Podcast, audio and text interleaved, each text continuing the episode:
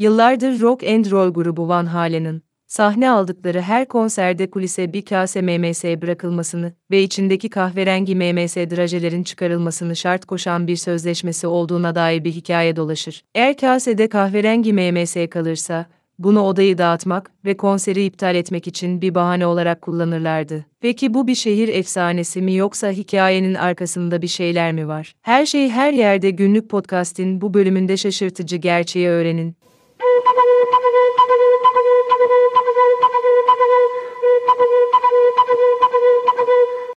Ortalıkta dolaşan her türden şehir efsanesi var ve bunların çoğunun gerçeklikle hiçbir alakası yok. Örneğin Paul McCartney'in öldüğü ve yerine bir dublörünün geçtiği ve Abbey Road albümünün kapağında bu gerçeğin ima edildiği gibi şeyler. Ya da Phil Collins'in On the Air Tonic şarkısını bir adamın boğularak ölüşünü izlerken yazdığı gibi. Ya da Tupac Shakur'un kendini ölmüş gibi gösterdiği. Ya da Richard Gere'in ya da bunu boş verin. Mesele şu ki genellikle gerçeklikle hiçbir ilgisi olmayan hikayeler ortalıkta dolaşıyor. Van Halen'ın hikayesi, grubun tüm kontratlarında sahne kulisine bir KSM, MS'in bırakılmasını ve tüm kahverengi drajelerin çıkarılmasını şart koşmasıydı. Kasede kahverengi MMS varsa, konserin tamamı iptal edilebilir ve grup odayı dağıtabilirdi. Bu efsane, kendini çok beğenen ve işlediği cinayetin yanına kar kalacağını düşünen bir ünlünün uydurabileceği saçma bir şey gibi geliyor kulağa. Bu olayda efsane aslında doğruydu. Van Halen'ın sözleşmelerinde böyle bir madde vardı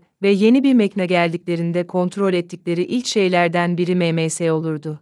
Kahverengi MMS'lerin çıkarılmasının sebebi zor görünmek değildi. Mekanların sözleşmeyi gerçekten okuduğundan emin olmak için bir kontrol niteliğindeydi. Van Halen 1980'lerde turneye çıktığında, bir konser için en karmaşık teknik gereksinimlerden birine ve buna bağlı olarak konser tarihindeki en büyük sözleşmelerden birine sahiptiler. Turne sahnesi son derece ağırdı ve aydınlatma sistemi, bir turne konseri tarafından şimdiye kadar kullanılan en büyük ve en çok güç tüketen sistemlerden biriydi.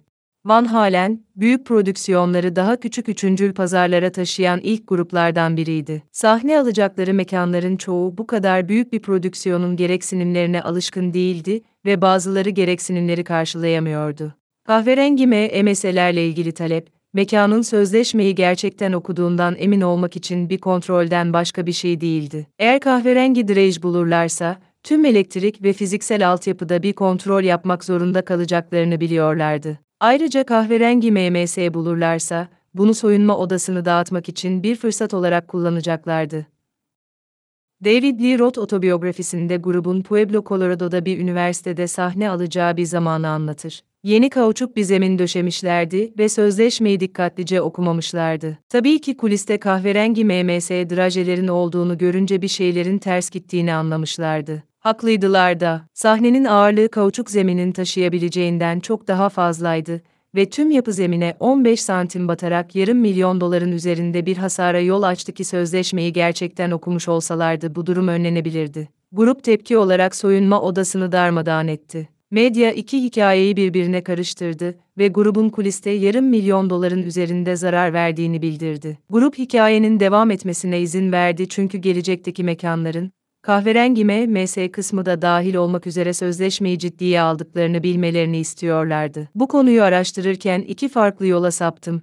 Bunlardan ilki ünlü kontrat yazarlarının durumuydu. Bunlar ünlü isimlerin sahneye çıktıklarında yaptıkları tuhaf taleplerdir. Bunların çoğu, Van Halen'ın yaptığı gibi teknik kontrat kontrolleri değil, adam bulmakta zorlanmalarından kaynaklanıyor. Bazıları gerçekten garip. Örneğin, David Hasselhoff sahne arkasında kendisinin tam boyutlu bir maketini ister. Prince bir keresinde Londra'daki o iki arenada bir dizi konser verirken, kendisi için beş yatak odalı lüks bir ev inşa edilmesini istemiştir. Joe bir şehre vardığında bir değil, iki değil, 12 yavru köpeğin kendisini karşılamasını ister. Mariah Carey, kullanılmış sakızlarını atmakla görevli birinin hazır bulunmasını ister. Justin Timberlake, tüm otel katının kendisine ait olmasını ve her iki saatte bir kapı kollarını dezenfekte edecek birine ihtiyaç duyar. Christina Aguilera kuliste soya peyniri ve Flintstone çiğnenebilir vitaminlerin bulunmasını ister. Jack White odasında bulunmasını ister ama bu konuda o kadar titizdir ki sözleşmeye tüm guacamole tarifini dahil ettirir.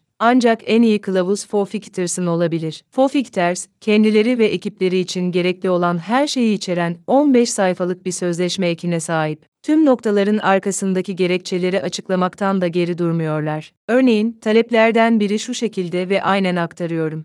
Vejetaryenler, evet haçlı seferleri dünyayı onların üzerine kurmadı. Bu yüzden umursuyormuş gibi yapmalıyız. Ciddiyim, fırında patates kabul edilebilir bir akşam yemeği olamaz. Eğer bir basketbol salonunun arka tarafındaki bir banka toplantı odasında bir tane daha fırında patates tezgahı kurulduğunu görürsem Jeffrey Dahmer gibi personelin ve çevremdeki herkesin canına okurum. Veya şu şekilde çeşni istemek, çeşniler. Muhtemelen öğle ya da akşam yemeklerinde tıka basa doymuş olacağımızdan, radikal mutfağınızı geliştirmek için bir sürü yeni açılmamış çeşniler koymaya ne dersiniz? Alice Cooper'ın hardal şişesinde bıraktığı son sos damlasını istemiyoruz. Fofficters'ın sözleşme ekini okumanızı şiddetle tavsiye ederim. Son derece eğlenceli. Bu hikayenin beni götürdüğü ikinci yol ise MMS drajelerinin tarihiydi. 1941'de MMS ilk piyasaya sürüldüğünde 5 renkten oluşuyorlardı. Kırmızı, sarı, yeşil, kahverengi ve mor. Çoğu insan orijinal MMS'lerin 1949'da mor olanların çıkarılıp taba rengi konduğunu bilmiyordu.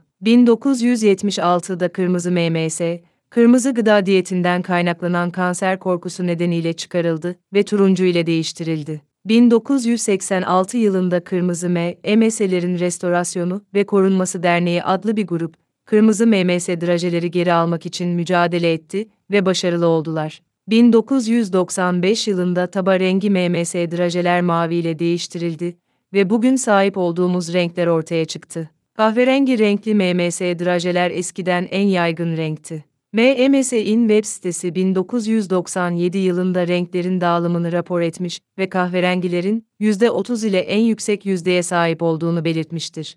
Artık verileri yayınlamayı bıraktılar ama 2017'de bir istasyon MM renklerinin kendi analizini yapmaya karar verdi ve kahverenginin artık renklerin yalnızca %13'ünü temsil ettiğini buldu ki bu en düşük yüzde.